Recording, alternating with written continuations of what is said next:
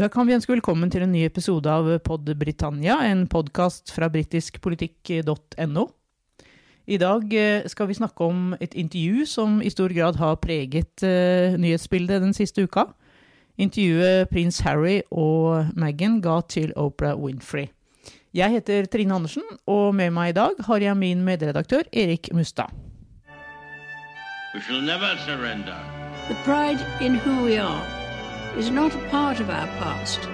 It defines our present and our future. The people of Scotland have spoken. England, Scotland, Wales, Northern Ireland together, taking us forward, unleashing the potential of the whole country.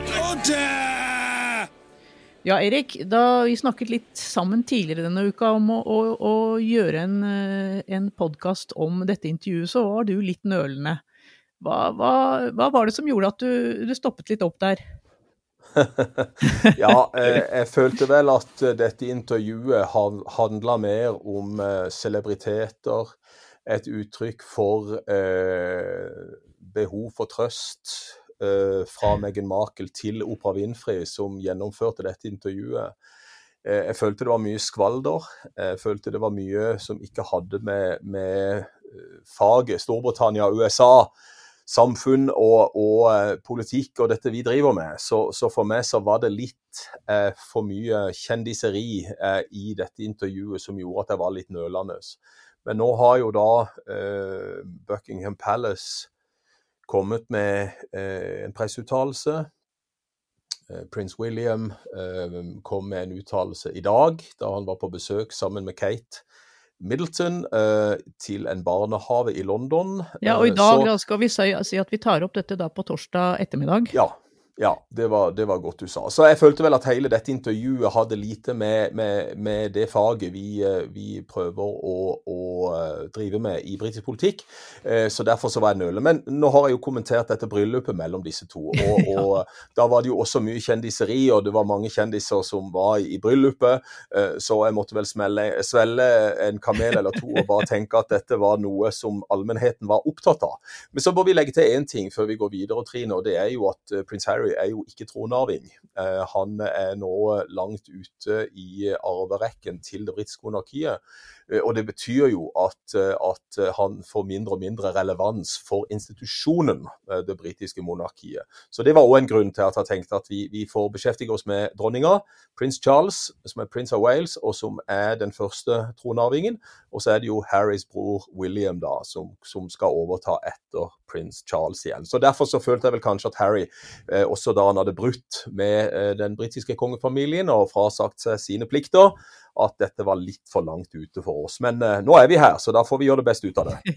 Ja, og nå er vi inne her, som du, som du sier. Men Erik, du er jo da eh, ekspert og underviser både i amerikansk og, og britisk politikk.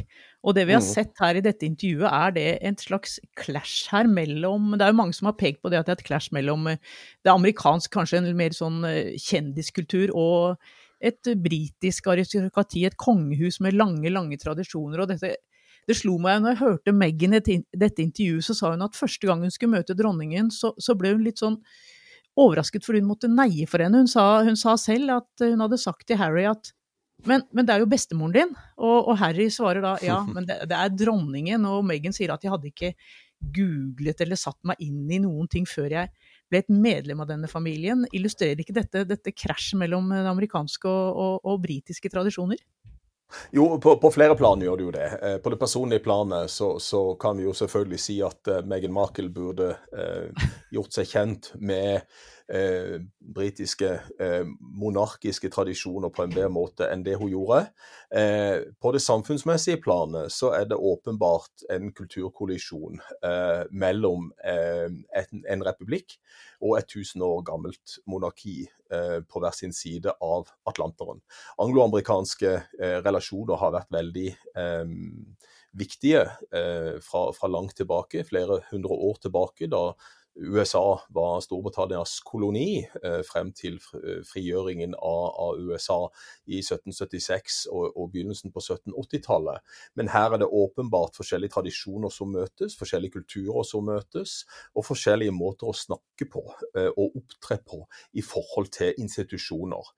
Og vi må huske at en Hollywood-stjerneskuespiller, dog nokså frilynt på mange måter, samtidig veldig selvopptatt selvopptatt, som kanskje eh, mange av oss syns Meghan Markle er. Jeg syns iallfall hun er litt for selvopptatt. Eh, I møte da ikke bare med prins Harry, som kanskje har vært den mest frittalende av de britiske, i det britiske kongehuset, men eh, i møte med denne voldsomme, tradisjonsrike institusjonen, det britiske monarkiet, som er den lengst levende monarkiet i europeisk historie. Så, så i seg sjøl så er det, er det en, en clash en kollisjon på mange nivåer vi snakker om her. Hun burde kanskje, ja, unnskyld, hun burde kanskje ja. vært og sett The Crown før hun uh, I hvert fall da, ja. da, får vi jo et veldig klart inntrykk av hva, hva, hva som er regler og, og ikke her. Ja, eh, og eh, hun burde ha forberedt seg på en helt annen måte hvis de snakker på det personlige planet nå. Og, det er jo åpenbart at hun ikke kjente noe til disse normene og konvensjonene som omkranser det britiske kongehuset og den britiske kongefamilien. Eh, og bare det å gi et intervju på denne måten syns jeg på en måte er litt urettferdig. For alle som kjenner det britiske kongehuset, vet jo at en, en regent som dronning Elisabeth aldri kan ta til motmæle i noen saker, og det er jo historien full av. Langt, langt tilbake så vet vi at den britiske monarken ikke uttaler seg politisk, ikke uttaler seg om ting som handler om disses eh, institusjon, disses posisjon i det konstitusjonelle monarkiet.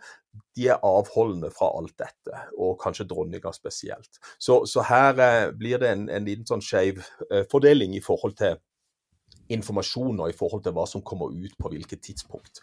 Men eh, når vi snakker om kulturforskjeller, så, så vet vi jo at statsoverhodet i USA, eh, nå Joe Biden, eh, er valgt av folket de har en helt annen eh, posisjon i det amerikanske folket fordi at de er politikere, mens eh, statsoverhodet i Storbritannia er ikke valgt, men er da dronning Elisabeth. Så Det betyr jo at når den amerikanske presidenten er på besøk, offisielt besøk i Storbritannia, så må den amerikanske presidenten både møte den politiske eh, motparten sin, den britiske statsministeren, som nå er Boris Johnson, men den amerikanske presidenten må også besøke dronninga for i forhold til å være statsoverhode, så er det da dronninga som er statsoverhode der. Så den rollen fylles av to eh, personer i Storbritannia, mens eh, Joe Biden i USA er den eneste som både da er valgt og er statsoverhode på samme tid. Det er jo forskjellen på, på republikken og monarkiet her. Ja, og du har jo et klart inntrykk her at amerikanere syns det er veldig stas med, med de kongelige. Med, altså med britisk kongehus, og det, ble, det, for en president å bli invitert på, i audiens til uh, eller i en stor middag på Buckingham Palace. Det virker jo som det, det rager veldig høyt. Ja da, de, de gjør det. Og, og, dette er jo òg en del av, av, disse lange tradisjonene i det britiske kongehuset som, som, veldig mange i USA er ukjent med. Eh, og, og, og, mangel på kunnskap i USA i forhold til det de kaller the firm, den britiske kongefamilien. Dette er jo et uttrykk som ikke brukes i Storbritannia i det hele tatt, hvor man snakker om monarkiet eller kongefamilien, eller endog dronningfamilien, fordi at det er dronning Elisabeth nå som har sittet på tronen siden 1952, tro det eller ei, og er enda i live. Så, så uh, dette her er, er, veldig forskjellig hvordan denne institusjonen oppfattes på den ene sida av Atlanteren, på den andre sida av Atlanteren. Og det ser vi jo i de meningsmålingene som har vært etter at dette intervjuet ble foretatt. Det er mange som støtter Meghan Markle, men det er også sannelig mange som støtter uh, dronning uh, Elisabeth og måten de responderte på med den veldig korte pressemeldingen som kom fra Buckingham Palace her for et par dager siden. Ja, det ble jo faktisk foretatt en meningsmåling på, like etter intervjuet, og det vi ser der er jo at det er ganske store forskjeller i Storbritannia på hvordan unge og eldre reagerer her. Det... Ja, eh, det er det. Og, og de unge eh, har vel da gitt sin støtte til Harry og Meghan i, i denne sammenhengen, mens de eldre eldre, litt mer konservative også. Jeg så det også var politiske skiller her mellom de som stemmer Labour i Storbritannia og de som stemmer konservativt. Og at det var flere av de som stemte konservativt, eh, og eldre mennesker i Storbritannia generelt, som støtta eh, kongehuset, eller dronning Elisabeth, og mente at det var en urimelig kritikk.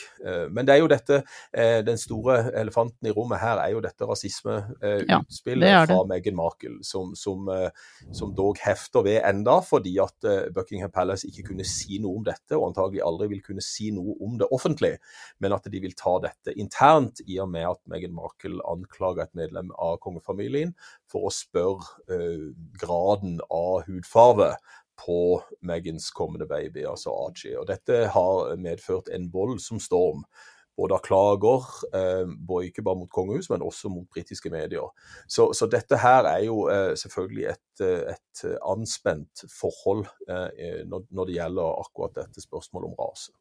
Og det var jo akkurat dette prins William kommenterte helt kort i dag, da, hvor han sa da han var på vei inn en til en skole eller barnehage at vi er ingen rasistisk familie, sa han bare helt kort før han gikk videre. Det er vel kanskje mm. det eneste vi kommer til å få, få, høre fra familien om akkurat dette her, tror du det?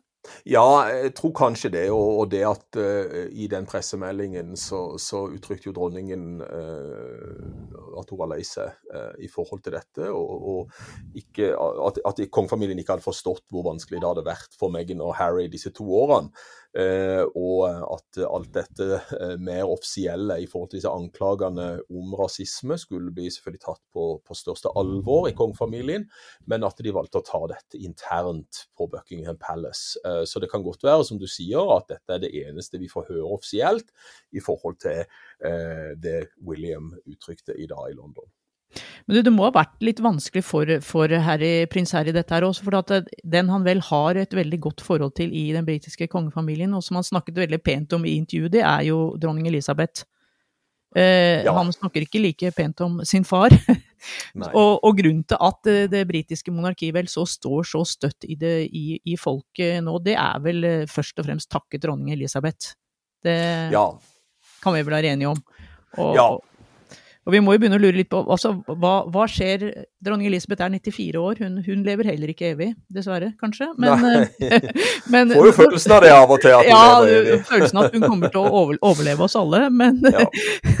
prins Charles han er 72.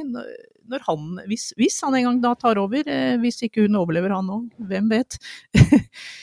Hva, tror du kan skje noe med monarkiet da, med støtten til monarkiet i, i, i, blant det britiske folk? Ja, dette blir jo spekulasjoner, men det er ingen tvil om at, eh, at, populariteten til monarkiet i veldig stor grad henger på dronning Elisabeth og måten hun har opptrådt på i alle disse tiårene som hun har vært regent. Uh, Prins Charles er ikke like populær.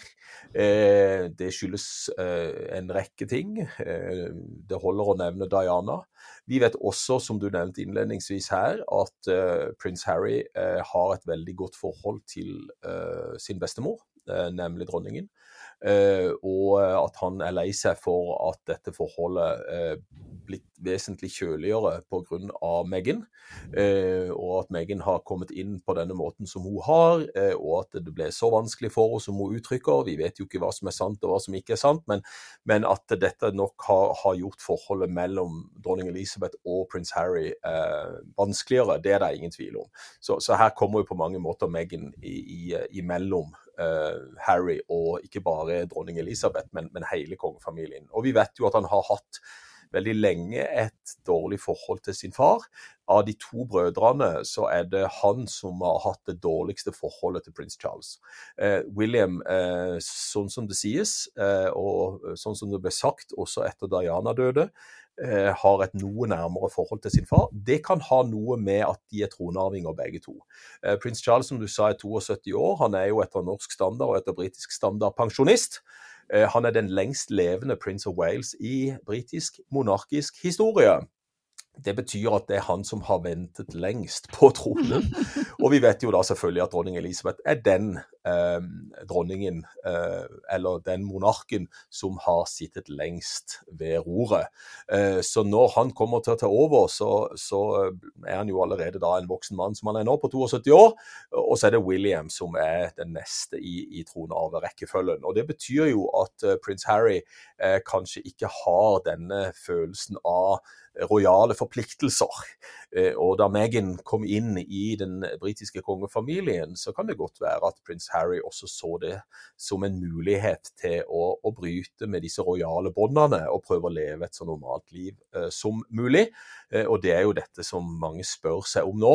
Er det i det hele tatt mulig, sånn som vi ser her i Norge, eh, hvor det er andre forventninger til det norske monarkiet enn det det er i Storbritannia, og hvordan medlemmene av det norske eh, monarkiet skal oppføre seg, og hvordan medlemmer av det britiske monarkiet skal oppføre seg.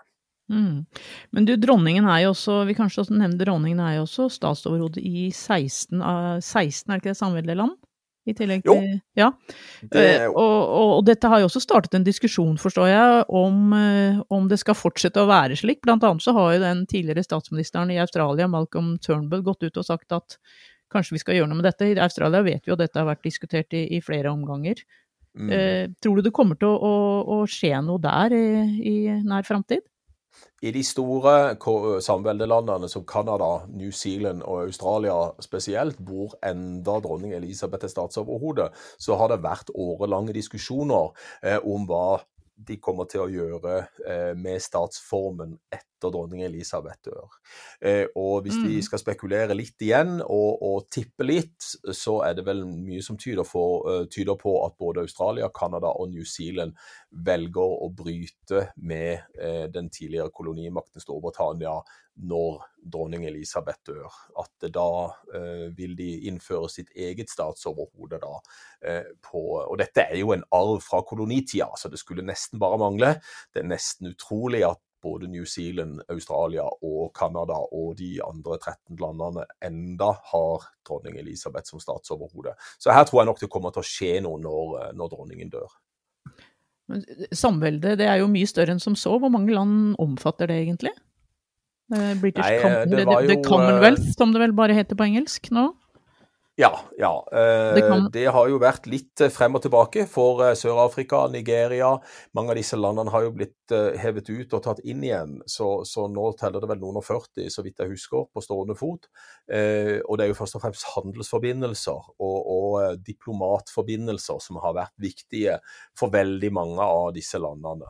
Så dette mm. handler jo da om at man skal ha uh, friendly relations, som vi sier på godt nynorsk, mellom Storbritannia og alle disse samveldelandene, hvor det handler diplomati og samarbeid som står i høysetet. Men det er klart, her ligger denne kolonihistorien bak, som gjør det vanskelig for veldig mange. Og dronning Elisabeth, som da ble dronning så tidlig som i 1952, når mange av disse landene var britiske kolonier, så tenker vi nok at eh, når dronningen da en dag dør, så uh, kommer også mange av disse landene til å innføre sine egne statsoverhoder.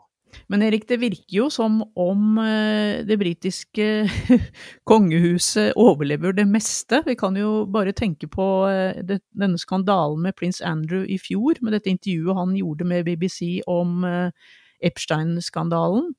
Det er ikke så mye snakk om det lenger. Og nå altså dette intervjuet med, som Meghan og Harry har gitt, hvor, hvor alvorlig tror du det kan bli? Eh, eller tror du dette også kommer til å på en måte blåse over?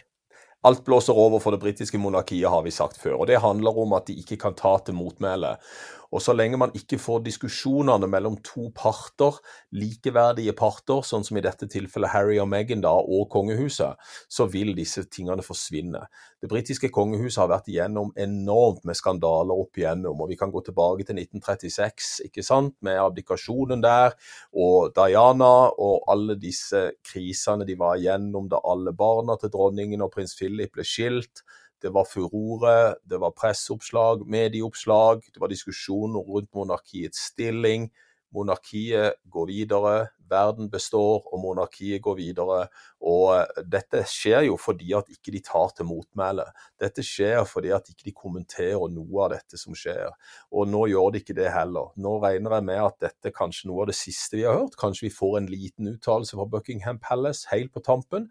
Kanskje vi får en liten uttalelse fra prins William i forhold til Eh, til, til, Harry, og, og, at de to faktisk er, er ganske eh, nære hverandre som, som, eh, som brødre. Selv om de nå bor på hver sin side av Atlanteren og vil ha to veldig forskjellige roller i livet fremover, så tror jeg nok at det britiske monarkiet består. Det går videre, og det kommer til å komme nye skandaler. Og, og, og sånn er nå livet en gang etter hvert, når man tenker på et monarki som må prøve å modernisere seg i det 21. århundret. Men klarer de det? Det er det store spørsmålet. Eh, og, og, det er det store spørsmålet egentlig som kommer ut av dette intervjuet med Meghan Markle. Har det britiske monarkiet modernisert seg tilstrekkelig for å ta opp i seg en del av disse endringene som alle institusjoner er nødt til å gå igjennom. Eh, og eh, noen vil svare et ubetinget ja på det, at de er kommet veldig langt i en moderniseringsprosess. Og der vet vi at prins Charles f.eks. har spilt en avgjørende rolle i å prøve å modernisere eh, monarkiet i Storbritannia, hvordan dronningen og prins Charles og William da som tronarvinger forholder seg til allmennheten, og hvordan de skal forholde seg til det britiske folk og til samveldelandene, som de tross alt også har så nære relasjoner til. Eller om de da enda er såpass stivbeinte som, som det kan, kan, tyde på kommer frem i dette intervjuet med Meghan Markle. Så hvis vi skal se på intervjuet på det som har skjedd de siste, den siste uka, de siste dagene her, så, så er det det store spørsmålet for meg har monarkiet modernisert seg tilstrekkelig til å imøtekomme det britiske folkets ønsker for monarkiet i det 21. århundre, eller har de enda en lang vei å gå? Og så ligger dette rasismespørsmålet der og ulmer også, og så ligger disse tradisjonene, konvensjonene, normene for det britiske monarkiet også der, og, og lurer i bakgrunnen.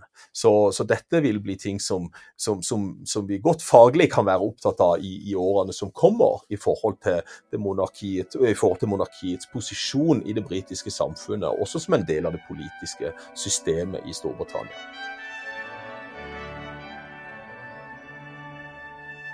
We shall never surrender. The pride in who we are is not a part of our past. It defines our present and our future. The people of Scotland have spoken. England, Scotland, Wales, Northern Ireland, together, taking us forward, unleashing the potential of the whole country. Order!